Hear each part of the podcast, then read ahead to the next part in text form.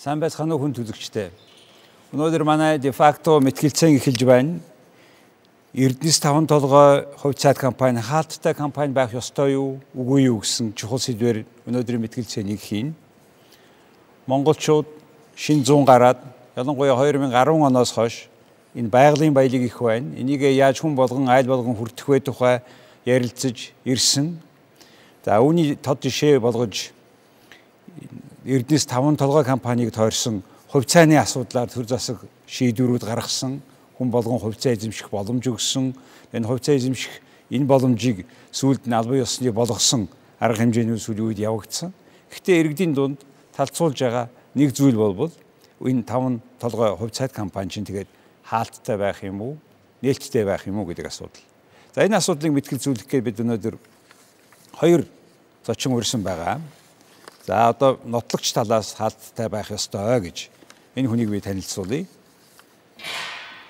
Пүрэв тогтхын Үлзий наран уул уурхайн инженер эдийн засагч шүтис шүтис уул уурхайн удирдлага мэрэгжлийн бакалавраар төгссөн Солонгосын Дунгаа их сургуульд уул уурхай инженерийн магистрийн зэрэг хамгаалсан уул уурхай мэрэгчсэн инженер эдийн засагч удирдлагын академик төрийн удирдлагын бакалаврын зэрэгтэйгээр тус тус үүргэсэн.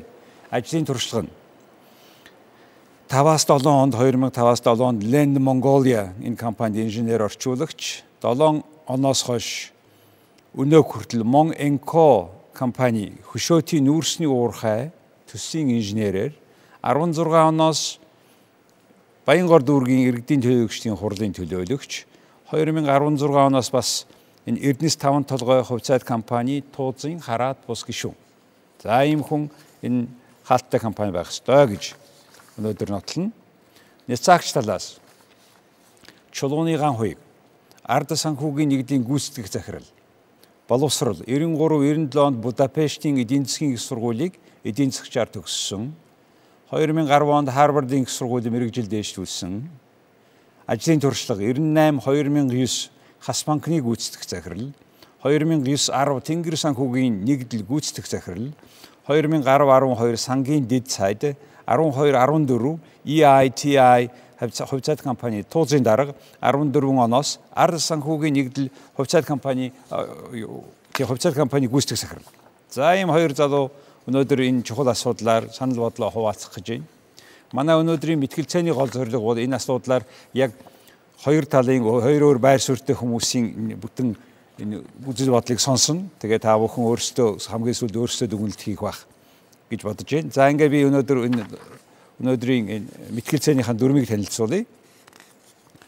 За энэ манай тохирсон одоо хэвшсэн дөрмийнхаа дагуу бид нар эхлээд дэмжигч талын нээлтийн үг 5 минут, няцаагч талын үг бас 5 минут.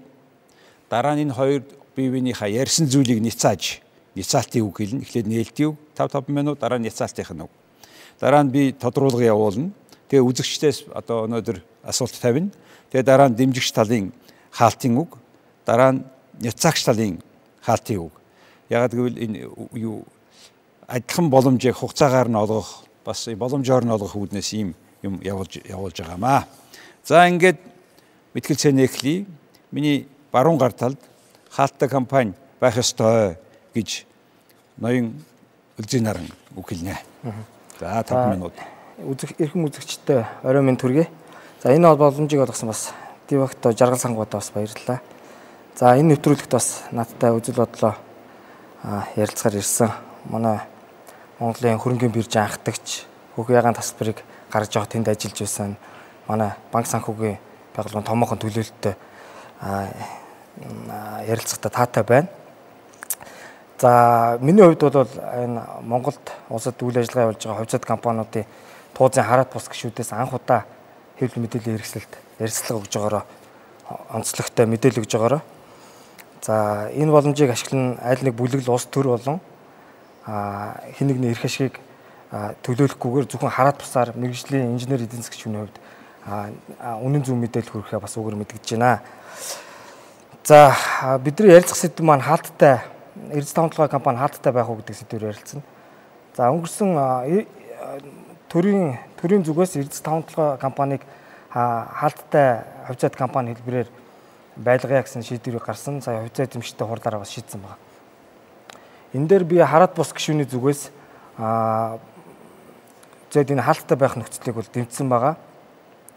За учир юу вэ гэхээр за өнгөрсөн хугацаанд бид нар бас манай энэ өнгөрсөн зах зээлийн нэгэмжилжээд 27 жилийн хугацаанд баггүй алдаа оног гаргасан байна. Хөхөйгаан тасалбарыг тараасан. За мөн хөхөйгаан тасалбарыг одоо мэдлэггүй а мэдээлэл багтай эдийн засаг хөрөнгийн зах зээлийн арилжаа мэдгүй хүмүүс тарааж шууд маш богино хугацаанд энэ арилжаанд оруулснараа бас нөгөө нийгмийн баялагийг тэгш хуваарлах за мөн аж үйлдвэрийн парк авж үлдэх гэсэн энэ асуудлууд маань орхигдсон мөн аж үйлдвэрийн парк маань тэр чигээрээ бас нуран унсан тийм асуулт талууд өнөөдөр үүссэн. Тухайн үед бол бид нар чүдэнцнээс эхлээд гутал хувцас, мебель, картон, шил шазан бүгдийг үйлдвэрлэдэг байсан бол буцаад бид нар феодал нийгэмдээ шилжсэн байсан одоо бид нар буцаад аж үйлдвэрчих гээд ингээ мөнгөнөө явж байна. За Эрдэс 5 толгой компани бол өөрөө энэ нийгмийн энэ Монгол улсад үлдсэн бараг сүүлчийн гэж болох макро түвшний олон нийтийн өмчт компани болж хуурсан байгаа. Засгийн газрын шийдвэрээр бүх ард түмэнд тавьцаа тараснараа. Тэгэхээр энэ асуудал дээр бид нар хөнгөн хуймгаа хандаж болохгүй. За анхны хувьчлаас хойш бид нар бол бас банк санхүү, эдийн засгийн ойлготтгүйгээсээ болоод дараа нь хадгалам зээлийн хошооны хэрэг гарсан. За дараа нь бол бас олон юм санхүүгийн холбогдолтой мэдлэггүйгээс болоод юм пирамид хэлбэрийн сүжээ хэлбэрийн бизнес старт иргэд маань өөрсдөө ингэж орж өртчихсэн байгаа. За энэ удаагийн засгийн газрын төрийн шийдвэрийг бол би хараад усах шинэ дэмжсэн гол шалтгаан бол иргэд маань а энэ хөрөнгөний зах зээлийн талаар ойлголттой болох шаардлагатай. Үүний дараа иргэд маань энэ өөртөө байгаа энэ хувьцаагаа үнэт цаас, өөрийнх нь үнэт зүйл, ирээдүйн тогтвортой орлого гэдгийг ойлгосны дараа энэ нээлттэй болох ёстой гэсэн энэ байр суурин дээр байгаамаа. Хамгийн гол хэлэх юмгүй л энэ компани удирдлага бол удирдлага за ногдол ашиг хуваарлах асуудал мөн э, иргэд маань өөрсдөө ирээд хувьцаа эзэмштэйгээ хуралд оролцох нээлттэй саналаа хэлэх асуудал бол бүгд нээлттэй байгаа шүү. Зөвхөн хувьцааны арилжааны тал дээр ингээд энэ иргэдийг тодорхой хэмжээний хөрөнгөний зах зээлийн боловсралтай болтол хаалттай байлгая гэсэн юм шийдвэр гарсан энийг дэмжсэн байгаа. За их баярлалаа. Товчхон тодорхой ярьсанд. За одоо ноёнган хоёрыг та яагаад энийг одоо энэ компани нээлттэй байх хэрэгтэй юм гэж үзэж байгаагаа 5 минут багтааж хэлнэ үү. За юуны төрөнд урьж энэхүү нэвтрүүлэгт оролцуулж байгаад баярлалаа. Жаргал сайхан ахта. Би өөрөө үлцийн наран шиг ингээд нөгөө мэрэгжлийн уул уурхаан хүн бол биш Гэхдээ өнөөдөр эн чи нөгөө өмчийн харилцааны тухай асуудлыг цөмөрөө ярилцж байгаа. Иргэн хүн өмчтэй хөрөнгөтэй бах тэр хөрөнгөө дагалдаж ирдэг эрх үүргийг нь бүрэн идэх, эсэдлэх тухай цөмөрөө бол асуудлыг тойрч ярина гэж бодож мэтгэлцээнд орж байгаа. Тэгэхээр Монголын хөрөнгийн бирж бол 91 онд байгуулагдсан. Би тэнд бол хэн шалгагч, арилжааны хэн шалгагч, брокероор дамжаагийн төгсөж байгаад бол ороод ажиллаж байсан. Тэр үедээ харьцуулахад амьдрал өнөөдөр 27 жилийн дараа бол арай өөр болж. Хөрөнгийн зах зээлээ хөгжүүлнэ гэж бид нар энэ үе үеийн олон намуудын эрх барьжсэн намуудын удирдлагууд мэдгдлүүд хийжсэнээс биш бол яг дөрвтойгоор өнөөдрийн эдийн засгийг тэтгэх хэмжээнд банкудтай өрсөлдөх хэмжээнд манай хөрөнгийн зах зээл харамсалтай нь хөгжихгүй байна. Эрдэнэс 5 толгоон хувьцааг иргэндээ эзэмшүүлнэ гэдэг энэ шийдвэр бол 2008 оны улс төрийн сонгуулиас улс төрийн намуудын өгсөн амлалтаас улбаатай. Би тэр үед 10 оноос эхлээд бол сангийн яамд дэд сайдаар ажиллах тийм завшаан тохиолдож байсан. Яг мөнгө тараах, хувьцаа тараах иргэндээ энэ баялагийг шууд одоо хүртэх зөв буруу гэдэг бол өөрөө том дараагийн нөгөө философи асуулт болоо явчих бах. А нэгэнт бид нар энэ байгалийн баялгаа айл гэр бүлийн өрх одоо хаалгаар нь хуваарлж оруулъя тэгш хуваарлья.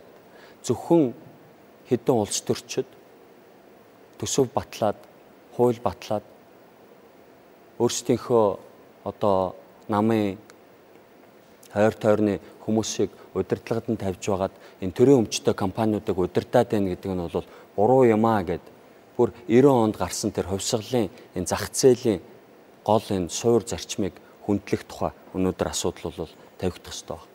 Бид нар зах зээл рүү шилжээд бол өнөөдөр 27 жил болж байгаа. Маш олон удаа засгийн газрууд ерхий сайд нар солигдлоо.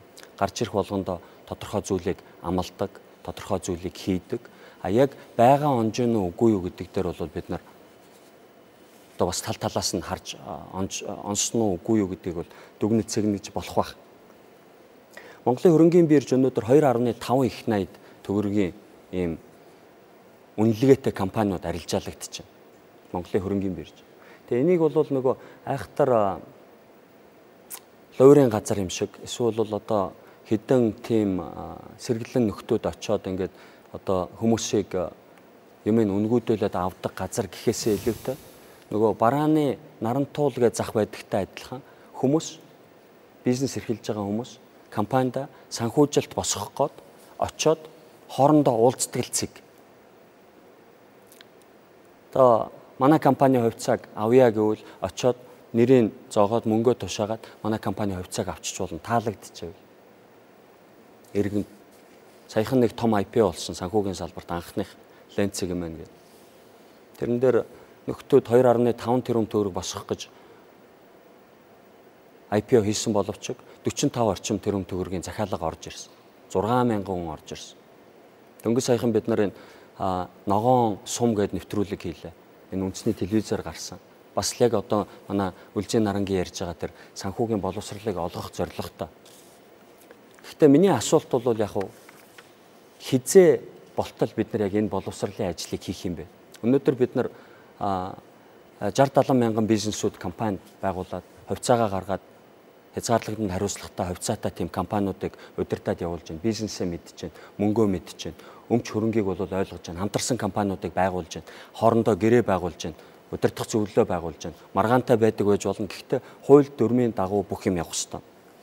Хэрвээ 10 ондын шийдвэр гараад 12 онд энэ албачаад хэрэгжээд бид нар Эрдэнэс 5 толгой гэдэг компанийнхаа хувьцаа эзэмшигч болсон бол миний хувьд бол нөгөө түрүү жил Наранбаатар баяр хоёртоо нийлж энэ хурал дээр нь суугаад тэнд тодорхой дүгнэлтүүдийг хийгээд гарч ирээд энэ дөрөн болохгүй байна. Энд чинь иргэддээ өгсөн байгаа хувьцааг та нар дуран мэдээд хаанаас сонгогдсон мэдэхгүй мэддэхгүй хүмүүс дур мэдээ захиран зарцуулж байна. Жижиг хувьцаа эзэмшигчдийн эрх ашигыг хамгаалдаг хууль байгаа компани хууль. Үнэт цаасны хуулийн дээр энийг бас тодорхой заасан байна. Хувьцаа эзэмшиж байгаа хүн хувьцаанд саналын эрхтэй байна гэв. Харамсалтай нь яг өнөөдрийг хүртэл энэ 4 сарын 27-нд болсон хувьцаа эзэмшигчдийн хурал дээр та нар арай болоогүй байгаа учраас арай жоохон мэдлэг дутмаг байгаа учраас саналаа өгөх эрхгүй гэдэг ингээд саналын эрхийг засгийн газрын захирамжаар хязгаарлалцсан баг. Үндсэн хуулиар бид нар хувийн өмчийг хамгаалцсан баг. Хувьцаа гэдэг бол зүгээр л тэр компанид эзэмших эрхийн бичиг, тэр өмчийг эзэмших, өмчлөх эрхийн бичиг байгаа. Тэгэхээр энийг нь үндсэн хуулиар хамгаалцсан байгаа. Үнд цаасны хуулиар хамгаалцсан байгаа. Иргэний хуулиар хамгаалцсан байгаа. Компани тухай хуулиар хамгаалцсан байгаа зүйлийг зүгээр хуулийнхын дагуу явуулаач. Хувьцаа эзэмшигч хүн хуралдаа суух ёстой. Саналын эрхтэй оролцох ёстой. Хэрвээ өнөөдөр хувьцаагаа зарах хэрэгтэй болвол зарах эрхийг нь өг. Авъя гэж байгаа бол авах эрхийг нь бас өг гэдэг тийм л санаа явж байгаа. За тэгэхээр хоёр тал өөр өөрийнхөө яагаад гэсэн шалтгааныг ярьлаа. Тэгэхээр одоо манай нотлогч талаас саяын ярьсан хідэн аргумент байна шүү дээ тийм ээ. Энийг би зарим яг 1 2 3 гэж та тэмдэглэсэн байх, та ч гэсэн тэмдэглэсэн байх яриаг. Тэгээ нэгдүгээрт ингэж шүү дээ. Өмч юм бол өмчийн эзэн өмчөө мэдэх ёстой. Хизээ зарах барих энэ бол өмчийн эзний асуудал аа гэсэн нэгдүгээр аргумент тавьж байна. Хоёрдугаар бас таны ярьсантай холбоотойгоор тэгээд энэ та түрүү ярьсан дэр боловсрж мэдлэгтэй болтол нь явъя гэсэн хизээ болтол гэж явах юм бэ? хэдэн жил хүлээх юм бэ? Тэр хооронд чинь хөрөнгө босгох хамгийн том бид гүүрээ хаачаад байна гэсэн санаагаар ярьж байна. За гурав дахь нь энэ эзэнд нь хэлэхгүйгээр хувьцаагийн дур мэдэн шийдээд байна штэ гэсэн ийм гурван аргументыг ярьлаа. Миний одоо ялгаснаар. Та өөрөө нэмж ялгасан бол хэлээд энэ дээр та ницаасан хариу өгнө үү? За. Ерөнхийдөө би саяны ницагч талын 60% тань бол санал нийлж байна. Юу гэвэл хөрөнгийн зах зээл маань хөгжөөг байгаа. Бэлэн болоог байгаа гэдэг дээр санал нийлж байна. За хоёрдугаарт хөрөнгийн харилцаатай холбоотой хөрөнгийн хувьцааны зах зээлтэй холбоотой бас эрх зүйн зохицуулт маань бас болоог байгаа гэдэгтээ би санал нийлж байна. За ийм нөхцөлд бас мэдээллийн тэгш бус байдал байгаа ойлголтын тэгш бус байдал байгаа нөхцөлд бид нар яаран энэ юунд бол орж болохгүй.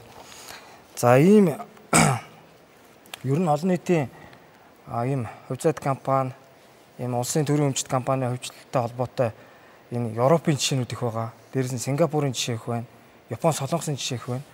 Энийг нэг 2 3 сарын дотор нүүрс үнэтэй биш те. А одоогээс борлуулад яачаа гэсэн тийм байдгүй юм байна. Ер нь бол нэг доотлол нь 2-оос дээш жилээр ингэж авч явдаг. Зарим бүр энийг ойлгуулахын тулд 15-аас 20 жил зарцуулсан ус байна. Тэгэхээр бид нар энд бол нэг яарад ах шаардлагагүй. Энэ орд маань өөрөө сайн төлөвлөгөөтэй холбоорлох юм бол 200 жилч энэ Монгол улсыг чирж авах орд байгаа. Өөрөөр хэлбэл энэ хувьцаа эзэмшигчд бас 200 жилч өгөөж өгөх орд гэсэн үг. 2 3 үеэр нь. Тэгэхээр бид нар энэ асуудалд бол 2 3 сарын хугацаатай яаран сандран бас хөрсөн боожоогүй нөхцөл байдал дээр бид нар энэ үрийг тарьж болохгүй. Бид нар яаран шийдвэр гаргасан асар олон тохиолдлоос Монгол улс Монголын иргэд Монголын төр хохирсон асуудал бол өнгөрсөн хугацаанд байсан. За энэ удаагийн төрийн дээр би бас дэмжиж оролцож байгааг хэллээ. За өнөөдөр над руу хөрөнгөний биржийг ажилтан өөрөө ярьсан нэрийг нэрээ хэлхээгүй их сурулж манай хөрөнгөний бирж энэ ажиллагаанд бэлтгэлгүй байгаа шүү гэдгийг хэлсэн. Одоо иргэнийхээ хувьд хэлье. Одоо би бол миний ажил юг нэрийг битээ танилцуулаар гэсэн. Тэгээ яагаад гэсэн чинь хувьцаа нэгдүгээрт 250 гаруй компани бүртгэлтэй байгаас 40 компани хөрөнгөний зах зээлд идэвхтэй оролцож байна. За үүнээс эдрээс одоо хувьцааны энэ арилжаанаас төвлөрсөн хөрөнгийг зориултаар нь зарцуулж байгаа хэсэг тал дээр манай хөрөнгийн бирж маань хяналт тавих бас учир дутагдaltaй байдаг. Мөн хувьцаа эзэмшигчдийн эрхийг хамгаалах тал дээр учир дутагдaltaй байгаа. Мөн хувьцаат компаниудаа хувьцаа эзэмшигчдийн эрхийг хамгаалахын тулд аудит хийх, үйл ажиллагааны зориултын дагуу, техник технологийн дагуу явж гинүү гэдгийг одоо шалгах тийм боломжгүй байгаа гэсэн бусад хөрөнгөний биржүүд гадаадын жишээн дээр ярих юм бол Хонконгийн хөрөнгөний бирж байна. Бусад энэ томоохон солонгосын хөрөнгөний биржүүд байна. Эдгээр бол жилд нэгээс хоёр удаа өөрийнхөө хувьцаа эзэмшдэг эрхийг хамгаалах үүднээсээ тухайн компанид аудит хийдэг үйл ажиллагаанд. А манай хөрөнгөний биржээс одоогийн байдлаар байхгүй гэж өнөөдөр тэр хөрөнгөний биржийн ажилтан мэдэгдэж байсан. За энэ бол хөрөнгө босгох бас талын юм ярьж байгаа шиг байна. Энэ хоёр дахь арилжаа. Энэ арилжаанаас А нэгэн тарагдсан хувьцаанаас бол хөрөнгө босхгүй. За анхны арилжаанаас бол мэдээж компанид бол хөрөнгө босно. Хоёр дахь арилжаанаас хөрөнгө олцохгүй зөвхөн хувьцаа эзэмшигчтэй хоорондох арилжааны асуудал яригдана. За энэ энэ дээр бол бид нар бас энэ нөхцөл байдлаа бүрэн гүйцэд системийн хувьд том дүр зургаар нь харж үнэлж оролцохгүй болвол эргээд хит цөөн хүн дээр төвлөрөх бас хувьцаа энэ мэдлэг босрлгүйгээсээ болоод хувьцаагаа маш хямдаар үндэх ийм нөхцөл байдал бүрдээд байгаа. Би энэ дээр бол бас судалгаа явуулсан байгаа. Энийхээ дүнг бол бас тэгж байгаа танилцуулъя. За хамгийн гол асуудал гэх юм бол энэ технологийн компани. Технологийн компани дотор стратегийн том компани. Энэ Аазда төдийгүй дэлхийд эхний байрууд бичгээр том компани байгаа. Тэгэхээр дэлхийн одоо хүн төрөлхтний түүхэнд нэг толгомдож ирээдүйд толгомдохоор нэг том асуудал бол хөрөнгийн зах зээл болон бодит зах зээл хоёрын харилцан уялдаа гэсэн асуудал ирээдүйд тулгарх юм аа. Хөрөнгийн зах зээл маань компанийн үйл ажиллагаанд сөргөөр нөлөөлдөг бол эргээд хөрөнгийн зах зээл маань бодит зах зээлээс хамааралгүйгээр өсч урууддаг юм тохиолдол байдаг. Одоо нэг хувьцаа хөрөнгө хувьцаат компани захирлын аав муудлаа гэхэд баг хувьцаа нунжах жишээ тийм нөгөө зах зээлээс үл шалтгаалсан байдлаар гих мэтчлэн ийм сөрөг эрсдэлтэй талуудаа бид нар маш сайн тооцсны үндсэн дээр энэ дараагийн алхам руу орох хэрэгтэй. Тэрнээс энэ чинээс ард иргэд маань хувьцаагаа хувьцаанаас өгөөж өртөхгүй, компани хувьцаа эзэмшдэг хуралд оролцуулахгүй байх тухай огч яригдаагүй. За энэ дээр бас нэг нэмж мэдээлэл хэлэхэд бол 2 жилийн өмнө Эрдэс 5 толгой гэж компани хувьцаа эзэмшдэг хурал хийдгүй байсан. Хийсэн чинь нэг 10 хүн сууж хийдэг байсан. За шинэ менежмент гарч ирсэн. 2010 оноос хойш 16 он хүртэл нэг үе явна. 16 оноос хойш шинэ менежмент гэж ярих хэрэгтэй байх. Энэ менежмент гарч ирснээр хувьцаа эзэмшдэг хурлыг нээлттэй зарладаг байсан. 4 сарын хамгийн сүүлийн хурал бол 27-нд болсон. За Наранбаатар ган хуйг бас баяр баяр гойлоо те. Энэ хүмүүс бас шүүгээр заргалдаа явсан. Би энд бол бас эргүү хүний хувьд эдрийг маш сайн үргэлж гүйцэтгсэн гэж боддог. Хараад ус гişний хувьд зөв гэж боддог. За энэ шинэ менежмент гарч ирээд энэ компаниг нээлттэй болгосон. Та бүхэн одоо өнөөдрийн нэвтрүүлгийг үзэж байна. Өнөөдрийн нэвтрүүлэг нээлттэй болсны нэг жишээ. А өнгөрсөн 7 хоног дахиад NTV телевизээр бас хэлцүүлэг явуулсан. Энэ бол нээлттэй болсны жишээ. Дурын иргэн очоод иргэний үнэлгээ үзүүлээд хувьцаа эзэмштэйгээ хурд сууж болж байгаа. Тэгэхээр та бүхэн эрэг жилийнхаа хувьцаа эзэмштэйгээ хурд бас суух хэрэгтэй иргэн үнэлгээ авчирд бүгдд нь нээлттэй байгаа. Бас саналаа хэрэг хэрэгтэй байгаа. Энийг тэр төрийн төлөөлөл маань саналын хэрэгтэй хүмүүс маань боловсруулад за энэ нь Монгол улсын иргэдэд Монгол улсад энэ компани ирээдүйн стратегийн ач холбогдолд эрг нөлөөтэй юм байна, сөрөг нөлөөтэй юм байна. Дүнсний үндсэн дээр энэ шийдвэрийг гаргаж байгаа шүү гэдгийг бас мэдгдмээр байна. За баярлалаа. За нэг асуулт тодорхой хариуд орхисон. Гэхдээ би дараа нь асууя. А сая та ганхуйг тэр төрүүний ярьсан хідэн зүйлүүд байгаа тийм ээ. Энэ дээр тодорхой хариу өгмөр байна. Тэгээ дараа нь сүүлд няцааж байгаа зүйлүүдийг бид нар хилцүүлэхдээ оруулъя. За ингэж ярьж байгаа шүү дээ тийм ээ. Нэгдүгээр тууц тэгээ шийдчихсэн гэж хэлж байна. За дараа нь тэр гашуун туршлага байсан. Хүмүүсийн мэдлэг сулаа.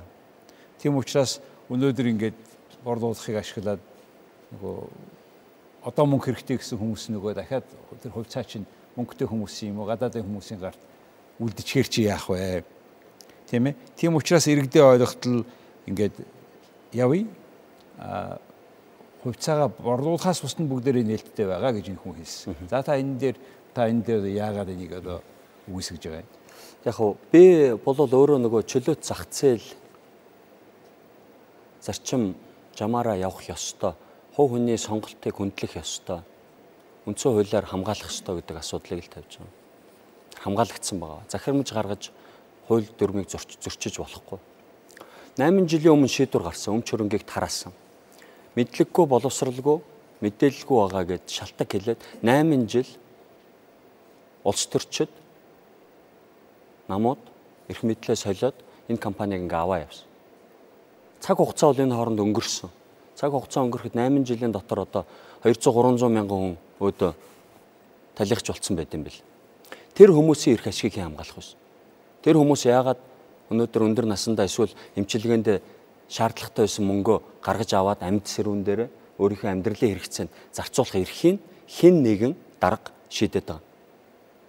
Одоо тэгээд яг хүүхдүүд нь шилжүүлж өгнө. Гэхдээ хүүхдүүд шилжүүлж асуудлыг шийдэхгүй шүү дээ. Тэр хүн амьд сэрүүндээ тэр нэг сая төгрөг байна уу 500 мянган төгрөг байна уу авах хэрэгтэй байсан. Өнөөдөр нэг дарга гарч ирээд чиний эрүүл мэндийн даатгалыг би төлчихье гэд сонгуулийн өмнө 10% цагийн сутгачдаг. Та өгшөө юм чи маа энийг авч надад саналаа өгөөрэй гэд 300-ийн шууд мөнгө болгоо өгчдөг. Намайг сонгочоор сайн хувьцаа маа гэд мөнгө тараачдаг. Ийм байлгамааргүй. Бид нар тэнэг мангар байж болно гэхдээ эрхээ мэдэх ёстой. Өнөөдөр энэ нэвтрүүлгээр бас ингээд бид нар нөгөө мэдлэгийг л түгээгээд байна шүү дээ тийм ээ. Хүмүүст эрх мэдлийг өгөх ёстой. Аа судалгаа сая авсан бид нар. Яг хөө судалгааг бол Facebook дээр л авсан л да. Гэхдээ Монголд бол нөгөө 3 сая хүнтэй гэхэд бол нэг сая 500-аад мянган хүн Facebook дээр байдаг. Тэр 7 хоногийн дотор 100 мянган хүн ороод 3600 хүн санал өгөхөд 89% нь хувьцаагаа эсвэл 55-нд зарахгүй хадгалан 33-нд нэмж аавна гэж байна. 11 нь бол би мөнгө надад хэрэгтэй байна. Би зарнаа гэсэн. Тэр хүмүүсийн эрхийг хааж болохгүй цаана амьдрал нь явж байгаа. Энэ бол тэр хүний өмч хин нэгний засгийн газрын тэргүүний эсвэл тэндээс тавьсан хүмүүсийн шийддэг асуудал биш. Хурлыг нээлттэй хийдэг талаар бол би өөр бодолтой байгаа. Сая би өөрийнхөө хувьцаа эзэмшигтэй хурлыг хийсэн. Телевизээр зарлж урилгууд явуулж агаад амралтын өдрөөс 8 цагаас 8:30-аас ажлын өдрөөр хувьцаа эзэмшигт компанийнхаа байран дээр хурал хийхийг бол нээлттэй гэж үзэхгүй. Тэгээ саналын ирэхгүй зүгээр та нар дуугаа сууж гараа өргөд юм асуух гэхлээр загнуулаад гардаг юм хурал байж таарахгүй. Би шинэ захирлууд эдийн засгийн хувьд энэ компаниг бол зөв авч явж байгаа зөв чиглэл рүү аваад яваад илүү нээлттэй болоод байна гэдэг дээр бол санал нэг байгаа. Гэхдээ бидэнд шүү дээ те энэ 3 сая иргэн нэгдээд нийлээд эзэмшиж байгаа цаана энэ Монгол улсын баялагийг удирж байгаа 100 төрлийн компани байна. Яг асуудал бүх юм тэнд богшсон байгаа. Өнөөдөр энэ Эрдэнэс 5 толгой 8 жил хаалттай яваад иргэдийнхээ эрх ашигыг хааж байгаатаа бүр илүүгээр төрийн компаниуд дээр хаалттайгаар шийдвэрүүдийг гаргаж та бидний өмнөөс та бидний хүүхдийн мөнгийг хідэн хүмүүс хоорондоо ярьж байгаа шийддэг. Нээлттэй зарыг явуулаад олонхийг нь хараат бус туузын гişүүд мэрэгжлийн хүмүүс иргэдийн төлөөллүүдийг оруулж байгаа.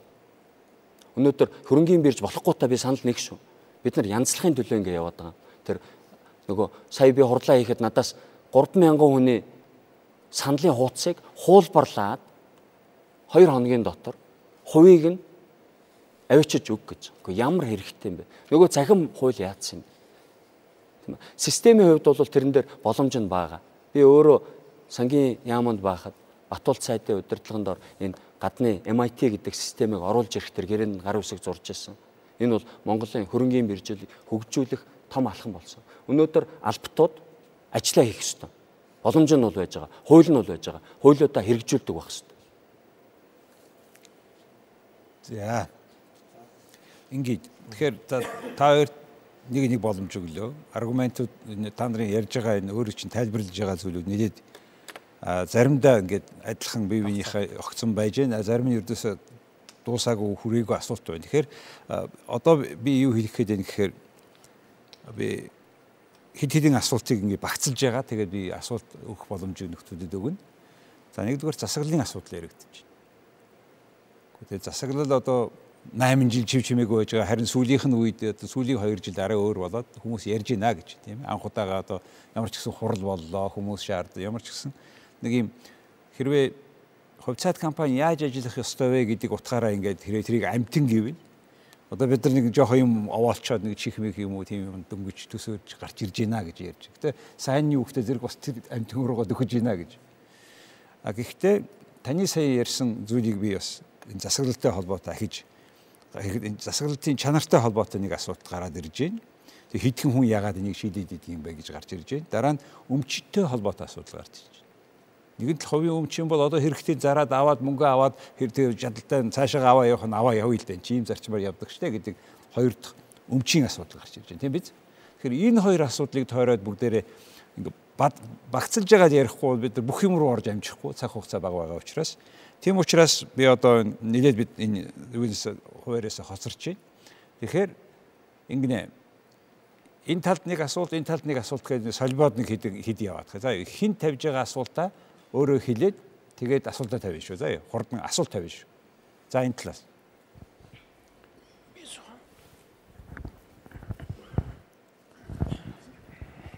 За Эрдэнэс 5 толгой хувьцаат компани үйлдвэрчний хэвлэлийн дарга эрдэнэ операторын ажилтаа. Тэг ер нь яг хөө зүгээр өнөөдөр Эрдэнэс 5 толгой компани тухай энэ хувьцааны тухай бас нийт монголоор ийм сонирхож хөндөж ярьдаг болсон их баяртай байна. Үндэ 15 оны хүртэл бол энэ өнгөрсөн 8 жил бол Эрдэнэс тавталгаа компани галан дотор явж ирсэн. Гадна дотны байгууллагууд энийг чинь авч идэх гээл авчих гал бүр зоож исэн шүү дээ. Энэ жил бол манайх өнгөрсөн 17 онд бол бас өндөр ашигтай ажиллалаа. Аа гэхдээ зүгээр эвгүй ээж магадгүй гавьга.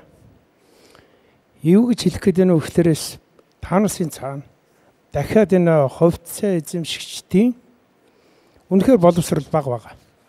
Энэ боломжийг э, ашиглаад бас нэг аваад ичих гэсэн хүмүүс санаа цухалцаад байгаа юм биш үү? За, гүд асуулт. За, нэг асуулт. Энэ талаас нэг асуулт авчаа тэгээд хариултанд оръё. Энэ талаас асуулт.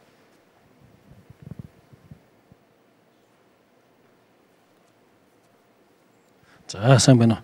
За би иргэний хуваар асууя. Тэгээ 2008 оны сонгуулиар бас энэ би сонгуульд өрсөлдсөн намуудад бас их баярж талархаж явагдгийн. Юу вэ гэвэл тэд маань иргэдэд бас нэг ховцаа гэж байдаг юм шүү. Ховцаа гэж байгаа та бүхэн эзэн шүү гэж бас зарласан юм. Түүнээс тэрнээс өмнө бас ховцаа гэж бас иргэд мэдхгүй газрын хэвдэгдэх баялаг арт түмний өмч гисэн мөртлөө нэгч тэгж ховцаа өгөн байрна гэж яриаг юм аа. Тэгэхээр түүнээс хойш арт иргэд маань тодорхой мэдээлэлтэй болоод ингээ явж байгаа хаа. Гэхдээ Үлзэн нарангийн ярьж байгаа шиг яг өнөөдрийн боловсрол муу байна нөгөө муу байгаа.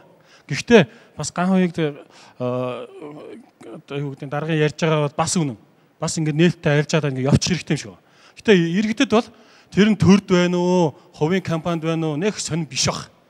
Юу сонирн бэ гэвэл ерөөсөө тэр хувьцаат компани бол ногд ашгаа өгөөч. Ногд ашгаа өгөх юм бол тийм ээ тэр нь тэр төрд байна уу, хувийн компани байна хамаа авахгүй гэж би ер нь ярьж байгааг ер нь олон сонссон шүү. Тэгэхээр ногд ашиг өгөх юм уу? Өгч эхлэеч ээ. За. За хоёр чухал асуулт. Хараа энэ асуулт нэмж тайлбарлахгүй та одоо яг энэ эзэмшилтэй холбоотой хэдхэн хүн нийлж явах гээд байна уу гэж хэлж байна тийм үү тань дээр. Энэ дээр та хариулт хэлнэ. Та болохоор тэр ногдлоо шиг хаваагаан бэ гэдэг. Яг ийм хоёр асуултанд хариу өгөх гэж. Яг би энэ дээр хариулт өгөхдөө яач чадах вэ? Жишээ хэлчихэ. Нөгөө жижиг таван толгой яваад байгаа шүү дээ. Жижиг таван толгой ч орон нутгийн эзэмшил. Орон нутгийн эзэмшилд байгаа шүү дээ. 51%. 49% нь 1900 хүнд байд юм бэл. Тэнд биш үү те 5 хүрэхгүй хувийг нь 23 улсын иргэд эзэмшдэг юм байна компани 5 өрхгүй байна. Бусдын монголчууд эзэмшдэг 1900. Тэгээд хувьцаанд чөлөөтэй арилжаалагдчихж байгаа. Үнэн нь өнөөдрийн байдлаар 9250-аар хаагдсан байна. Тэгэхээр нэг хадны манга дайсны нөхөр гарч ирээд ингээд хувьцааг ингээд цуглуулад бүх ашиг нь ингээд сорчноо гэд ингээд ярихлаар бас жоох явцсан. Ард санхүүгийн нэгдэл Монгол шуудангийн хөвчлөлт оролцсон. Бид нар 30% нь авсан. Монголчууд энийг ихээр дэмжсэн. Ягаад гэвэл энэ монголчууд өөрсдөө өмчийнхөө эзэн бай. Яг одоо стратеги юм нүү, стратегийн босууг өөлөө штэ. Манад нүүрс бол байгаа. Хятад өөрөө биш штэ тэ. Манай энэ оруулж ирж байгаа. Манайх сая энэ 33 сая тоног гаргалаа штэ. Энэ 2017 онд хамгийн өндөртөө орох байх штэ. Бараг би сайн мэрэгжлийн өмчлөлөө мэдэхгүй байна. Гэхдээ хятад бол өөрөө гаднаас авж байгаа дотоод хэрэгцээ нь штэ тийм ээ. Авдаг хэсэг нь 10%, 10-аас 15% л байгаа дотооддоо илүү ихийг үйлдвэрлэж байна. Манай урд Оросууд байна, Канадууд байна, Индонезичууд байна, Америкууд байна. Бид нар харин эсэргээр нөгөө төмөр замч байдаг юм уу, цахилгаан станц байдаг юм уу, монголчуудыг энэ юмнуудыг хийлгүүлэхгүй барьдаг гадны сонирхол тэнд яваад байд юм биш үү гэдэг асуулт надад бол байдаг. Яг гэвэл гэхээр нөхдөө тойруулаад өөрсдийнхөө юмнуудыг зараад хийгээд байдаг. Бид нарыг айлгаж байгаа. Бид нарыг хадны мангаагаар айлгаж байгаа. Өөрсдөө бид нар ч Австралид нэг үер гараад 2011 онд Монгол дэлхий дээр номер 1-т нэг сар байна уу да гарсан шүү дээ. Хамгийн том одоо хятад руу нүрсээ гаргадаг улс. Тэгээд өнөөдөр бид нар биш үү тийм ээ. Олборлогчороо долоод коксчих нүрсэн дээр. Экспортороо тавд явж. Оросын ард орцсон. А хамгийн том худалдаа авах зах зээл нь бол хятад. Хятад дотроо өвөр Монгол коксчих нүрсэн дээр. Австралиуд өвөр Монгол руу бид нарт давуу тал байхгүй даа түүхэн бизнеснүүдээр ингээ харуул энийгээ бид нар завшааныг ашиглаач. Энэ 8 жил гэдэг чинь урт хугацаа шүү дээ. Миний амьдралын миний амьдралын асуултын гол нь энэ хэдхэн хүн авчих гээд байгаа юм биш үү гэсэн асуулт. Би тэрэн дээр хариуллаа сайн. Хэдхэн хүн авах хүн авах сонирхол байх дээ. Өмчийн дээр харилцааг бол хүндэтгэх ёстой. А гэхдээ практик дээр бол тэр батлагдахгүй байна. Тийм ээ. Өнөөдөр авчиэгвэл харин IPO хийчихвэл шүү дээ, тэ. Шанхайд очиод IPO хийчихвэл монголчууд ёстой дансаа нээлгээд тэнд авч чадахгүй шүү. Хятадууд авчих шүү. Хонконгод очиод IPO хийчихвэл хамгийн түрүүд хятадын томчууд авах гэж байгаа бол тэндээс авчих шүү. Гэхдээ тэрнээс бас бити аа. Ягаад гэвэл бид нарт 85% нь засагт 80 энэ уурхаан Монголын нутаг дэвсгэрээс гараа явчихгүй. Энд ч нэ байж. Бид нар хилцэн. За ойлголоо.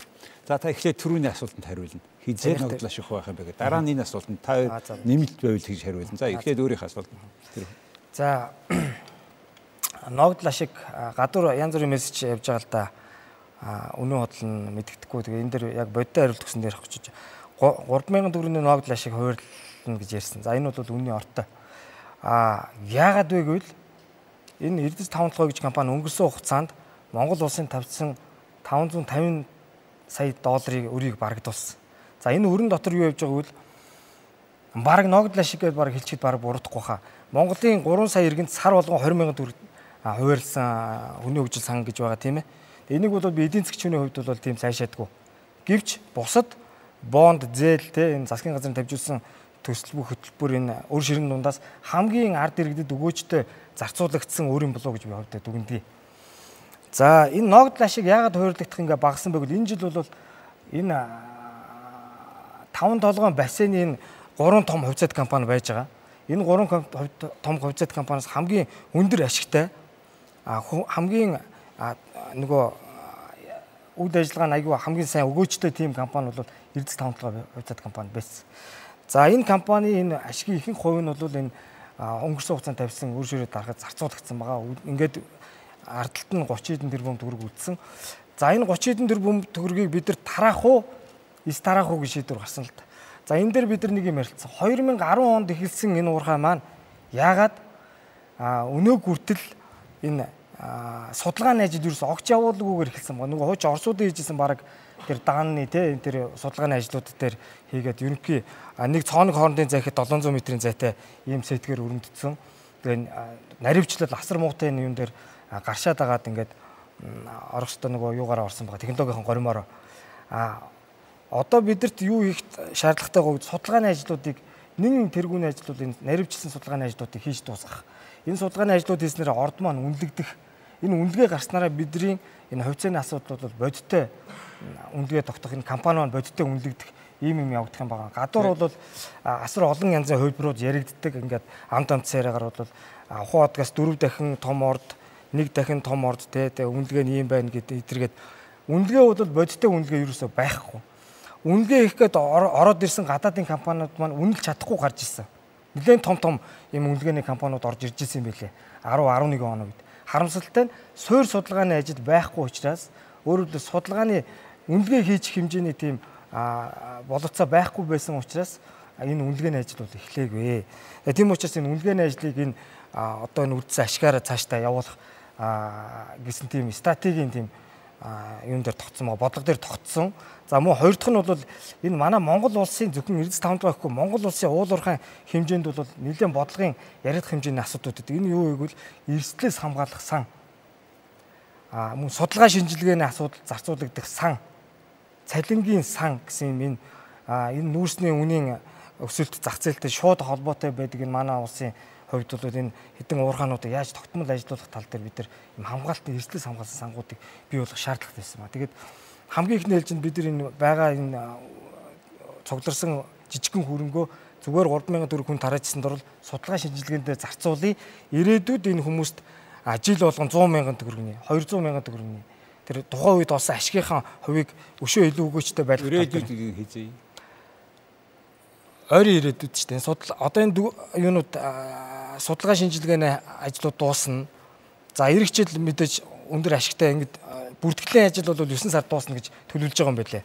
Энэ юунууд төлөвлөгөөгөр а хувьцаа зэмжтийн бүртгэлийн асуудал 9 сар дуусна. Энэний дараа бол а мөн энэ үнэлгээний наривчилсан энэ судалгааны ажлууд дууссаны дараа энэ бол бүр тодорхой болох байх. Тий. Хараа за танд одоо бие шүү дээ төрөний асуултанд хариулах боломжийг төрүүлж өгье. За би өнөөдөр хувийн хвшлүүд рүү ялангуяа хувьцаат компаниуд руугаа нэг юм ярихыг хүсээгүй маа. Гэхдээ яалтаж байхгүй харьцуулаад байна. Эрдэс 5 толгоо муу нөгөө хоёр нь сайн гэдэг. Ялангуяа 5 толгойн басны ордууд дээр. Тэг яалтаж байхгүй ярихаар болж байгаа шиг байна. Тэгээ уучлаарай.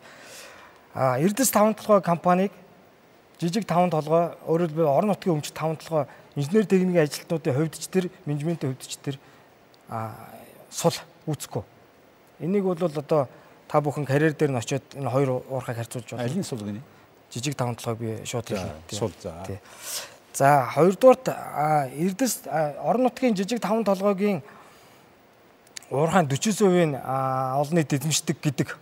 Гэвч энэний 90%-ийн хоёрхан аж хүнэгдэж байна. 49% гэж байгаагийн 90%. Үдсэн 10%-ийн нөгөө орон нутгийн иргэд сая манай ган хуйг гоо ярьсан нөгөө гадаад иргэд байт юм уу те босож юм тааж. За нээлттэй арилжаалж нэг үйл энэ би түрүү ярьсан байгаа. Энэ хүн төрөлхтний түүхэнд хөрөнгөний зах зээл энэ технологийн ялангуяа технологийн компаниудаар ажиглагдаж байгаа. Энэ хоорондын уялдаа холбоо асар муу. Одоо өнөөдөр ихэд компани засаглал ярихад бол хамгийн ойрхон жишээ Rio Tinto-гийн жишээг татаж олмоор байгаа юм л да. Rio Tinto сая бол 3.5 тэрбум төгрөгийн асуудалд хоёр захирал нь орооцолсон. Яасангүй л гүйцэтгэх менежмент хувьцаа эзэмшигчдээс технологийн асуудлуудаа нуусан. Африктойгоо нүүрснийхээ орд асуудал. Гэх мэтчлэн одоо энэ зах зээл дээр бүрдэж байгаа энэ үн энэ жил олж байгаа ашиг ирээдүйд олж байгаа ашиг эдрийг бид нар бүгдийг тооцох хэрэгтэй. Хувьцаа эзэмшигчд энэ технологийн компаниудын хитийн ашигийг тооцох хэрэгтэй. Зөвхөн өнөөдрөөрөө бид нар харж байна. Тэгэхээр өнөөдөр тичнээн тэр бумыг олчлоо хэдийн сорчлоод олборлцсон. Тэгээд ашиг өгөөд байгаа уу үгүй мүү? Ирээдүйд хичнээн тэр бумыг орлого олборлох байсан нөөц чинь тэ ингээд сорчид олборлоо байхгүй болчиход ингээд байгаа мó бидэрт эрсдэл тулгарч гин үү миний ерөөсө гол энэ хувьцаа эзэмшид өгөх гээд байгаа мэдлэг бол өөрсдийнхөө энэ эзэмшиж байгаа хувьцааныхаа тэр объектыг тэр аж ахуйн нэгжийн үйл ажиллагааг маш сайн ойлгодог дотор нь орж судлахгүй бол бид нар зөвхөн өнөөдрийнхөө аягтай хоолоор өнөөдрийнхөө олж байгаа цалингийн хэмжээгээр мөнгөнийхөө хэмжээгээр энэ компаниг дүгнээд байвал ирээдүйн тэр үнэлгээг нь бид нар гаргаж чадахгүй. Энэ бол асар том эрсдэл шүү. За ганхыг танд ийм асуулт байна. Тэр тэр ногдол ашиг хуваах үгүй тал дээр ярьлаа шүү дээ. Болов судалгаа хийгдээгүй юм ба тэрийг хий араа бодиттой болгоод энэ наазахын зардлаа хийчи ногдол ашиг тэгж ярих юм бол тэр хүний хөгжил сангаар чинь хүнд 20 мянган төгрөг хуваагаад өгсөн хамгийн зөв болсон ногдол ашиг дээр таны үзэл бодол. Ер нь бол тэр Улсын нарангийн ярьж байгаа бол маш зөв л дөө. Бид нар энэ компаниг бол ёстой нөгөө хайр найргүй нөгөө сайлын үнэ шиг ашигласан. Ягаад вэ гэхээр намууд гарч ирээд өрт тавьчихсан тэр өрөө ошоо амлалтууд өгсөн. Тэрнийгээ дарахын тулд ямар ч хамаагүй үнээр энэ компаниас бол урьдчилаад мөнгүүдийг татаж аваад мөнгө банкудаас зээлүүлээд бонд гаргуулж агаад аваад тараацсан. Хэрвээ нээлттэй байсан бол ингэх байсан уу? Би одоо өөрийгөө гээд яг зүгээр нэг мань мэтийн нэг нөхөр очиод удирдах зөвлөл дээр нь суугаад гарч ирээд цагаан хоолоогоор зарлаад байдаг байсан бол тийм зориг хүрх байсан уу? Энэ компани нээлттэй байх боломжтой байсан уу гэдэг асуулт. Тэгээ хариулчих бол. Ногдол ашигын хувьд А өнөөдөр яг ашиг ашиг гэдэг дээр нэлээд фокус хэрэгтэй. Бид нар биш тэ өнөөдөр аман дээрээс 60-аар зарж байна гэж би ойлгоод байгаа. А? Тий. 68 доллар тий. Тэгээд тээврийн компаниуд бол нэг 30 40-оор цааш нөгөө хил рүү хилийн цаашаа ингээд зөв тээвэрлдэг. А тэгээд бид нар одоо Монгол компани байвал Монголдо тэр тээврийн компанийн орлого нийлээд бид нар нэг 100-аар зарчаад байна да. Гэхдээ энэ нүүрсний үн болохоор ингээд нэг хэлбэлцээд байт юм л да цаанаа бол яг нөгөө хэрэглэгчдэр очихдоо нэг 50-аас 350 орно. Австралид уурхаа уягт автуул ингээд нэг 350 хүрээл. Тэр чинь Оросд бороо Сибирээр орвол бас адилхан үн нөхцөл монголчууд болохоор энд алга ташаад тэр нэг 3 жил, 2 жил, 4 жилийн давтамжтай явдаг. Тэгэхээр энэ дээр үстэй те өнөөдөр яг юу болоод байна вэ гэхээр ашиг нь хийн аваад байгаа юм бэ? Бид нар хилээр цаашаа 100-аар гаргачлаа шүү дээ. Цаана нэг худалдаа авч байна да. Цааш нь 200-аар юм уу 300-аар зардаг нэг нөхөр байна да.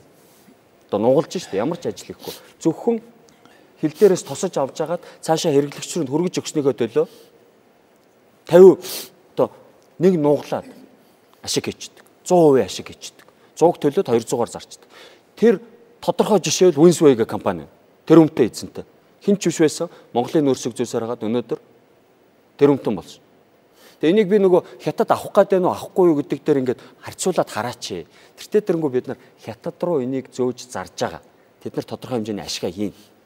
А гэхдээ өнөөдөр энэ 15%-аас тэр нэг зарна гэдэг байгаа 11% нь буюу буюу одоо 1.5% нь өнөөдөр тэрийг зараад тэр мөнгө нь Монголд орж ирээд энд эдийн засагт эргэлтлээгээд муу юм бахгүй гэж. Яг гэвэл бид нар яг энэ хаалттай байлгаснаар өнөөдөр энэ компани дийлэнх ашигыг нөгөө муулаад байгаа хятадуудаа өгөөд байгаа. За. За асуулт энэ талаас эхлэе. Баасан байна уу? За би тэгэхээр энэ мэтгэлцээнээс юу харж ийнө вөхлөөр а ерөөсө 92 оны цэнхэрийн тасалбарын адилхан процесс явагдах гэдэг нь шараад байна л да. А тухайн үед бол юу мэддэхгүй нэг цэнхэр ягаан хэвлэмэл одоо хувьцаа гэж тараагаад тэрийг нь тэр нь цөөн хэдэн үний гарт ороод тухайн төрийн өмч хувийн энд очсон. Хувийн хүмүүсийн гарт очсон. Тэгэхээр эргээд нэг юм санацгаая бүгдээрээ. 2016 оны хавар 1072 хувьцааг улсаас гаргасан нэрийн дор урт цагаан дээр худалдаж авна гэд хятадууд гараад тэнд нь олон хүмүүс цуглаж ирсэн мэдээг одоо санаж байна. Тэгэхээр энэ юу хэлэх гээд байна вэ гэхээр а 1072 хувьцаа ингээд гаргаад ард иргэдэд тараахад тэрийг буцаагаад зарах хүмүүс маш их байгаа шүү гэсэн мессеж өгöd байна. Нийгэм өөрөө. Нийгмийн баг дунд орлоготой иргэд өнөөдөр тэднээс ноогдлаа шиг хүлээж суухын оронд а өнөө маргаашийн одоо амжиргаагаа бодоод тэрийг зарчихад бол бэлэн байна гэсэн зарч магадгүй гэж хараад байгаа. Тэгэхээр энэ хувьцаа тараагаад байгаа цаад зорилго нь юу юм гэхэлэр би ойлгохдоо бол энэ байгалийн баялаг уулуурхаас олж байгаа энэ баялагийг ард түмэнд тэгш хуваарлаа гэж ойлгоод байгаа. Тэгэхээр энэ маань өөрөө хувьцаа хэлбэрээр өгчлөөр нөгөөдхий чинь зараад нөгөө тэндээс нь байнга авах ноогдлаа шиг хүртэж чадах байлна гэсэн үг. За асуулт. Тэгэхээр тэгш баялаг биш болно гэсэн үг. Тэгэхээр миний гаргаж байгаа санаа бол юу гэхээр заавал хувьцаа гаргаж ингэж нийт чөлөөтэй арилжуулж чахаар тус нь хууль гаргах чаач. Тэр тэр үеийн орд чинь нэг 5 10 жил ашиглаад дуусах хэд биш. 30 40 50 жил ашиглах орд учраас тус нь хуулиар зохицуулж болдгоо мó. За. За. Тус нь тэр яг хууль ахад тодруулда ямар маягаар зохицуулах гэж та асууж байгаа. За тус нь одоо юу гэдгийг баялагын хуваарлтыг одоо Эрдэнэс Эрдэнэс тавталгоос одоо олох баялагын хуваарлтыг одоо ард түмэнд хуваах одоо хувьцааны ногдлоос өөр хэлбэрээр хууль гаргаач. Бүх зохицуултыг нь хуулиар зохицуулчихлаа гэх гэдэг. Та асуултыг хуулинд тавьж гинөө. Хаана тавьж? А ер нь бол ган хийг захирал тавьж байна. Заавал нийлтэй байх албагүй маа. Энэ бол хуулиар зохицуулж болох юм шүү. Энэ талаас зүүн талаас ямар асуулт байна? Байна уу? Би бол нисаг талаас юм асуух. Чанга ахана мик. Нисаг талаас юм асууж байгаа юм л да. За аха. Болох. Ийм байл да 2016 онд засгийн газар 334 тогтоол гэж гаргасан байна те. Сонгуулийн бараг 7 8 хоногийн өмнө тэгээд иргэдээс хувьцааг нь худалдаж авах тогтоол гаргасан байна л да. Аа баг тэгээд 7 хоногийн дотор баг сая 309,983 иргэн санал хүргүүлсэн байна. Хувьцаагаа борлуулъя гэж те. Зарыг гэдэг. Аа үүнийх нь сая 294,302 иргэн хувьцаагаа худалдаж авсан байна. Аа нийт ард түмэнд оногдож байгаа 2.5 сая иргэнд оногдсон хувьцааны баг талших нь 7 өдөр зарахад бэлэн байгаа байхгүй. А дээрэс нь компани үнэлгээ бүрэн тогтоогдоогүй тий. А дээрэс нь уурхай ашиглагдах баялагууд нөөцөд бүрэн тогтоогдоогүй байхад а яагаад нээлттэйгээр арилжээ гээд байх юм бол. За үнслүүд нь За за тэгэхээр ингээ а нэг нэг асуулт гарсан. Та сая асуултыг хааш тавьж байгаа. За хоёулаа. За тэгэхээр ингээ одоо нэг тавьсан учраас хуулийн хариулах боломж өгөөд тэгээд танд бас хуулийн хариулах боломж. За. Тэгэхээр яг хав би түрүү хэлсэн дээ тийм ээ. Нөгөө хуулиараа бид нар өнөөдөр хуу хөний өмчийг нэг том дарга гаргаж ирээд хууль гаргаад хурааж авах явдлыг өгшүүлэх үү гэдэг асуудал том философи асуудал гарч ирнэ. Энийг өнөөдөр хувьцаа эзэмшиж байгаа хүмүүс зөвшөөрөх үгүй гэдэг бол бас нөгөө хуулиар хамгаалагдсан асуудал. Монголд бол одоо захиргааны эрүүгийн тэгээд дээд үндсэн хуулийн цэц гэдэг нь олон асуудал үүсэх бах. Тэр боломж талаас нь нэг хүн мундаг шийдвэр гаргаад за таны хөрөнгөний чи одоо ер нь болио буцаалаа гэв. Яг гоо Эрдэнэс гэдэг нэг компани байгаа. Тэрэн дээр бид нарт төштэй тэр өмнө яриад байгаа тогтоолууд дээр мартагчаад байгаа нэг заалт байгаа шүү. Төрийн өмчийн бүх компаниудын одоо том компаниудын хувьцааг эзэмшдэг толгой компани болох Эрдэнэс MJL дээр биднэрт нэг нэг давуу эрхтэй хувьцаа байгаа юм. Тэрийг хэрэгжүүлэхийг шаардна бид нар. Яг гэвэл энэ бол ингээ хууль болоод шийдвэр болоо гараа явцсан юм. Энийг олон жил бид нар яриулахгүй бид нарыг мартагдуулаад байгаа байхгүй. Тэр бол ногдол ашигаа ингээд аваад явдаг. Доктортой ногдол ашиг авдаг. Давуу эрхийн хувьцаа шүү. Компани хуулиар олоод үтсчээр ямар юм яриад байгаа. А 8 жил ингээд нэг хүүхдэд чихэр ингэж шилэн дотор хийчээд гаднаас нь долоолгоод авах бол өөрөө хүнлэг бус Би нөгөө тэр зүгээр айгүй экстрим туулширсан жишээ хэлсэн шүү дээ. Нас барцсан манай ах түрүү жил 6 сард нас барцсан л та. Тэр хүн яагаад тэр мөнгөөрөө нэг тэрүү зарах хэрэгтэй байсан бол аваад нэг им тарианд ашиглаж болдгүй хүүхдүүдтэй үлдээч болдгүй гэдэг асуудал гарч ирж байгаа. Хэдий болтол хүлээх юм. А нөгөө талаасаа болохоор нөгөө би улс төржмөрг байна л да тийм ээ. Улс төржүүл энэ чинь бүр дуусахгүй болох юм. А 2016 оны нөхцөл байдал бол энэ компани алдагдaltaй байсан. Өөр нөгөө банкн дээр чи ингээ нэг банк муудлаа эсвэл бол компани муудлаа гэхлээр хувьцааг асар нөгөө хүмүүс мөнгөө татахыг боддог штэ. Тийм үе таарсан юм шүү. Тийм, тийм үе таарсан. Тэрийг бол нөгөө банк ран гэдэг. Тэр бол нөгөө нормальны зүгээр ажилдаг хөрөнгийн зах зээл дээр байдаг үзэгдэл. Үнэхээр компани таалагдахгүй, юу ч хийхгүй. Тэгээд за чи энийг хувцаагаа зарах уу, би буцаага авчаа гэд нэг нөхөр хэлвэл байдаг үзэгдэл нэг талаас. А нөгөө талаас би дахиад нөгөө юм. Хов хүний өөрийн сонголт.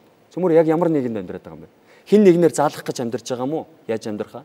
Бид нар өөрөө өөрсдийнхөө хувь тавиланг өөрсдөө шийддэг, сонголтоо хийдэг юм нэгэнд яваад байгаа мó. Би нэг зүйл нэмээ хэлж. Дараа жил жоохон хүлээгээд байна шүү дээ. Дараа жил 2019 он. 2019 оны дараа 2020 он болно. Сонгуулийн жил. 2019 онд ямар ч том шийдвэр гарахгүй. Цаг хугацааны нөгөө хайч гэдээ яриад байгаа юм чинь тэр. Бид нар өнөөдөр амжаад эдийн засгийн өнөөдөр 7% байгаа өсөлттэй юмыг хэрэгцээ энэ бирж дээр гаргуул 12 их найдын үнэлгээтэй компани орчихлоор 2.5 их найдын үнэлгээтэй бирж маань ямар болох вэ? Нөгөө яриад байгаа гадаад төрөнг оруулагчд яаж орж ирэх вэ? Монголд итгэх итгэл яаж авах вэ? Энэ компани шаардлагатай бол дараа жил 10% зарчил та. Тэрнгээрээ төмөр замаа цахилгаан станцаа барих мөнгөө босгоод авъя гэдэг тэр юм яригдаад байна. За баярлалаа. За сая хоёр асуултанд та өөрийнхөө За нөгөө юуных та түрүүн тий урцаагийн хоёр үедээ баг холбоо ярьчаад урцаагаан дээр баахан хувьцаа эзэмшиж цугласан гэдэг. Энэ үнэ. Хүмүүс ингэ зарах гэж байна. Зарах гэж байна гэдэг. А ган хуйг гоо бол ингэж юм л та. Бид нар судалгаа хийсэн гэсэн. 1070 хувьцаа эзэмшдэг групп байгаа. Манай Наранбаатар үсгсэн. Энэ дотор айгуу сайн мэдээлэл авч байгаа тэр залуучууд. Өөрөөр хэлбэл манай ард түмэн яг тэр групп дотор байгаа энэ судалгаанд хамрагдсан залуучуудыг мэдээлэл авчаад дараа нь бид нар энэ хувьцаагаа зарах хэрэгтэй байна үгүй юм байна гэдэг шийдвэрээ гаргах хэрэгтэй байхгүй юу? А өнөөдөр ярьж байгаа асуудал бол тэр групп доторх залуучуудтай Монголын 2.5 сая энэ иргэнийг харьцуулж болохгүй. За би энийг эсэргээр нь би нөгөө группээс гараад өөрийнхөө ваад дээр судалгаа хийж үзлээ л дээ. Нөгөө сая төгрөгийн үнэтэй 1070 хувьцааг чинь би 300 сая төгрөгөөр авъя гэсэн. Зар тавьсан. Зөвхөн би нэг янз бүрийн группүүдээр тавьж зөвхөн өөрийнхөө Ингээд нөгөөх нь маань шеэрлэгдэж явсараад би сүулдэ нөгөө надаа ингээд одоо би зөвхөн ингээ хүсэлт би уншиж амжааг хүсэлтүүд. Ахаад уншсан зөндөө хүсэлт. Бараг 100-аараа 200-аар шахах хүсэлт ирсэн. Энэ хоёр шөнийн дотор шүү. Өөрөөр хэлбэл энэ мэдээлэл хүмүүс маань надаас юу гэж үсэн бэ? Би 300 мянгаар авъя гэсэн хувьцааг маань бүр ингээд сүулдэ үгүй да авъя өгчмөр байна гэдэг ингээд салгаа байсан. Тэгээ би энэ судалгаа хийж байгаамаа ах уугүйгээ шийдээгүй байна гэдэг ингээд нөгөө судалгааныхаа үн цэнийг алдуулах хүнд хэлсэн чинь 100 мянгаар авчих гэж байгаа байхгүй. Надаа 10 хүний хувьцаа байна. Манай гэр бүлийн. Өөрөөр хэлбэл энэ арилжаа нээлттэй ингээ огцом ингээ явагдах юм бол нөгөө ойлгоогүй тэр группт 1072 хувьцаа эзэмшигдсэн групп дотор байгаа хүмүүс шиг залуучууд шиг ойлгоогүй ард түмэн маань иймэрхүү байдалтай хандах нэ. Яг урцаагаан шиг хандах гэж байна. Өнөөдрийнхөө хоолоод ирээдүйн өөрийнхөө амьдралыг худалдах гэж байна гэсэн үг. За. За ингээд дараачих нь бол энэ шууд энэ дээр үнслээ ярихад бол хаалттай байсан. Одоохондоо дээр. Яг тэр 1072 хувьцаа эзэмшигчсэн группт байгаа залуучуудыг мэдлэг олгосон дараа. За энэ компанид ажлыг бол Эрдэс тавцгой компани эхлэхээр бэлдэж байна. 1072 хувьцаа эзэмшигчд мэдээлэл өгөх төв гэж байгуулж байгаа. За энэ төв бол Монгол улсын бүх засаг захиргаа сум дүүрэг нэгжүүдтэй холбогдож ажилланаа. Ингэж иргэдэд маань мэдээлэл хүрнэ. Энэ бол нөх тийм урт хугацааг бас зарцуулахгүй байх гэж бодож байна. За хоёрдугаарт бид нар цаг хугацааны хайчин гал гэдэг энэ богино хугацаанд бид нар энэ улсын орныхоо төлөвлөлтийг 3 хугацаанд авч үзэх хэрэгтэй. Урт болон дунд богино гэж. Бид нар манай улс бол засаглалын хямралтай улс бол мөн. Гэлээ ихтэй бид нар энэ асуудлууд баг багаар ч гэсэн шийдэгдээ явж байгаа нь үнэн. А бид нар сонгуулаас бас тэр болгон айгаад иж болохгүй. Энэ сонгуулаас айгаад энэ компани хувь зайг ойр ойрхон ингээ менежментийн ингэж бодлоонтуулаад эсвэл энэ стратегийн төлөвлөлтүүдийг ингэж унтраагаад иж болохгүй. Тэгэхээр алийн бол юм болгоноос айхгүй. Зарим юмыг бол алсын хараатай хийжийя. За одоо бидэрт 6 минут байна. Тэгэхээр 2 2 минутаар та хоёрт хаалтын үг хэлэх өхөөс аргагүй болчлоо хугацаанд. Тэгэхээр нөгөө хин ихэлсэн хин сүд гэдгийг ярьсныхаа дагуу би хаалтын үг хэлхийг ихтэй ган хоёг санд болгож байна. Тэгэхээр бид нар бол хууль цаацтай улс. Хүний эрх, хүний хувийн өмч хуулиар хамгаалагдсан байдаг. А энэ дээр улс төрчид орж чи арай мэдээлэлгүй байгаа юм байна. Чи буруу шийдвэр гаргачна гэж урдуур нь орох. Тийм боломж бол багхгүй. Хов хүн өөрөө сонголтоо хийн. Би зар гэж байгаа юм биш шүү. Би эсэргээр зарахгүй байлгаарай гэж байгаа. Аваарай гэж байгаа. Тэгээд яг тэр 100 мянган хүн гэдэг бол Монгол улсын бас нэг төлөөлөх хэмжээний групп байгаа. Үлзий нарангийн хувьд бол тэр айдас боломж болгоомжл бол байх ёстой. Тэрийгэ цөмөрө бодоод тооцоод энэ хөгжлийн банк нь сангийн яам нь төрийн банк нь манай энэ баялагын сангуудаас тодорхой хэмжээнд мөнгүүдээ бэлтэж хагаад маркет мейкинг буюу үнийн тогтворжуулах тийм алхмуудыг хийн. Тэгээ энэ дээр би зүгээр яг мэтгэл цааны хаалттай учраас зүгээр нэг л юм хэлчихэ. 4 сарын 27-нд энэ компани хурал болсон. Ган уяг гээд одоо миний адил нэртэй нэг нөхөр гарч ирээд захирлна. 9 сарын 1 гэхэд хувьцаагийн чи хөрөнгөний бирж дээр заруулнаа гэдэг ингээд зарлцсан. Тэгэхээр яг хоёулаа хоосон юмны төлөж мэтгэлцээд исэн байж магадгүй. Ягаад гэвэл Тийм. Нөхөр тэрийг нөгөө хэвлэлээр ингээд зарлцсан Facebook дээр Тэгээ би бол яг энийг нөгөө нөхрийг дэмжиж яриад байгаа юм шүү. Танаа гүйцэтгэх захирлыг. Тэгээд чи бас гүйцэтгэх захирлагаа дэмжиж. Хараад бас гişүний хувьд байгаа. Би төрийн төлөвлөхгүй гүйцэтгэх захирлыг. Тэгэхээр энэ дээр бол тэр шийдвэр нь бол гарсан юм шиг байгаа юм. Яаж гарсныг нь бол мэдэхгүй харамсалтай нь халттай компани учраас. А гэхдээ би мэдээлэлтэй байх хүсдэг иргэний хувьд бол тэр мэдээллийг яаж гаргаж чинь, хэн гаргаж чинь гэж мэдэх эрхтэй. А тэгээд тэр жоохон ч гэсэн нөгөө өөрийнхөө 1702 хүүхдүүдийн хувьцаагаар очиж саналын хуудас бөглөөд За болвол гарныхаа хээгээр те тэр хур гэдэг програмаар саналаа өгдөг болмоор байна. Миний эрхийг хангаж өгөөч ээ гэд. Тэгэд нөгөө заавал шүүхээр явах хэрэггүй байхгүй. За баярлалаа. За тань таатай өгөө. За би ган хуйгуутай нэг талаасаа санал нэг байна. Энэ компани нээлттэй байх хэрэгтэй. За туузын гişүүдийн дэлхийн жишгээр ялангуяа Европын орнууд жишгээр 3-ны 2 нь бол бас хараад гişүүн байвал бас зүгээр юм бэл. Тэгээд энийг бол тодорхой хэмжээний институт нөгөө эрдэмтэн манай Монгол улсад хэрэггүй болсон нөгөө эрдэмтэн мэрэгдээ ашигламаар байна ахаад энэ иргэний нийгмийн байгууллагууд ашигламаар байна. Ингээд энэ 6 төлөөллөг энэ 3 сая иргэнийхээ сонгоод ингээд энэ компанийн стратегийн урт хугацааны тогтвортой үйл ажиллагааг хангах тал дээр анхаарч ажилуулах шаардлагатай. За мөн иргэдээсээ бас хүсэх юм байна. Гадуур явж байгаа элдв ховж мөн хэвлэл мэдээллийн хэрэгслэр явж байгаа асуудлууд мөн сошиал сүлжээгээр явж байгаа асуудлуудад шүүлтүүртэй хандаач. Үнэн хин гоё ярьсанд нь биш хин үнэн ярьсанд нь итгэх хэрэгтэй байна. Тэгэд энэ бол таны тарих бол хогийн сав биш. Тийм учраас та өөрийнхөө тарихыг хэрэгтэй үнэн зөв бодиттой мэдээлэлээр цэнэглээч. Энийний дараа та өөрийнхөө шийдвэрийг гаргаач гэж уул уурхай инженер эдийн засгийн хувьд бол хүсэж байна. За энэний дараа бол бас нэг юм хэлэх юм бол Эрдэс 5 толгой компани бол сүүлийн 2 жил маш нээлттэй байгаа. Түрүүн ган уяг захирал ярьж байна. Очоод үгээ хэлэх гэсэн үнийг загнаа суулгасан гэж нэг ч хүн загнаа суулгаагүй. Хүн болгон хэлий гэсэн хүн болгон босч үгээ хэлсэн байгаа шүү. Энийг бол хэлэхэд таатай байна. Баярлалаа. За. За үндсэндээ бид энэ асуудлаар цааж байгаа, баталж байгаа хоёр хүнийхээ саналыг сонслоо. Та бүхэн бас нэлээд олон асуулттай үлдэж байгаа.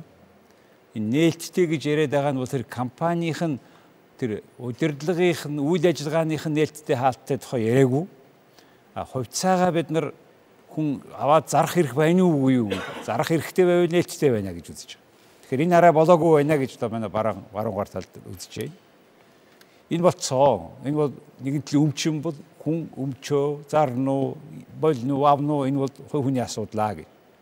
Тэгэхээр энэ яг энэ Эрдэнэс таван толгой хувьцааны асуудлыг тойроод манай яг бодит амьдрал өөрөө ямар байгааг харуулж байгаа бидний ойлголт таана байгааг харуулж байгаа. Тэгээ та бүхэн Үнэхээр 9 сар таны хэлснээр зарна гэвэл тэхийн тулд альва нэгэн компани хувьцааг ингээд хувьцаа хөрөнгөний биржээ гаргаад зарахын тулд бол маш олон ажил хийгдэлдэг. Хараат бус компани хөндлөнгийн хяналт хийгээд үн цэнийг тогтоодог. Үн цэнийг тогтоосон компани хэдэн хувийг хэрвээ хүмүүс авах бол би явна гэд underwriter гэдэг гэх мэтээр асар том бэтгэлүүд хийгдэнэ. За юу ч гэсэн одоо байгаа төр засгийн газар бол баялагын санг байгуулна энэ компаниудаа хувьцаар компани болгоно. Болгохдоо нээлттэйгээр олон улсын хөрөнгөний зах зээл дээр гаргана гэж амласан ярьсан юм байгаа. Тэгэхээр ямар ч байсан цаг хугацааны бүхнийг харуулна. Та бүхний мэдлэгт шийдвэр гаргахад тодорхой нөлөө болох үс энэ мэдээллийг өнөөдөр ийм хоёр өөр үзэл бодолтой хүний амнаас та бүхэнд хүргэлээ. Энэ мэдээлэл дэлгэрэнгүй маргаашаас вебсайт дээр тавигдан jargaldefacto.com. А тэгээд энэ бол манай Эрдэнэс таван толгой, баялагын сан, оюу толгой энэ бүх компаниудын тухай хийж байгаа бидний эхний мэтгэлцээ гэж үзэж байгаа. За ингээд өнөөдөр манай мэтгэлцээнд идэвхтэй оролцсон хоёр оролцогчдод талархаж байна. Баярлалаа. За баярлалаа. Баярлалаа. За та хоёр гараа ирж байгаа талархаж байна. За манайд идэвхтэй оролцож асуулт тавьсан бүх оролцогчдод талархаж байна. И телевиз үзэгч та бүхэндээ бас бид нартай нэг цагийг өнгөрүүлсэн талархаж байна. Дараа уулзлаа баяртай 2-7 хоногийн дараа бид дараагийн мэтгэлцээний явуулах болно. Их баярлалаа.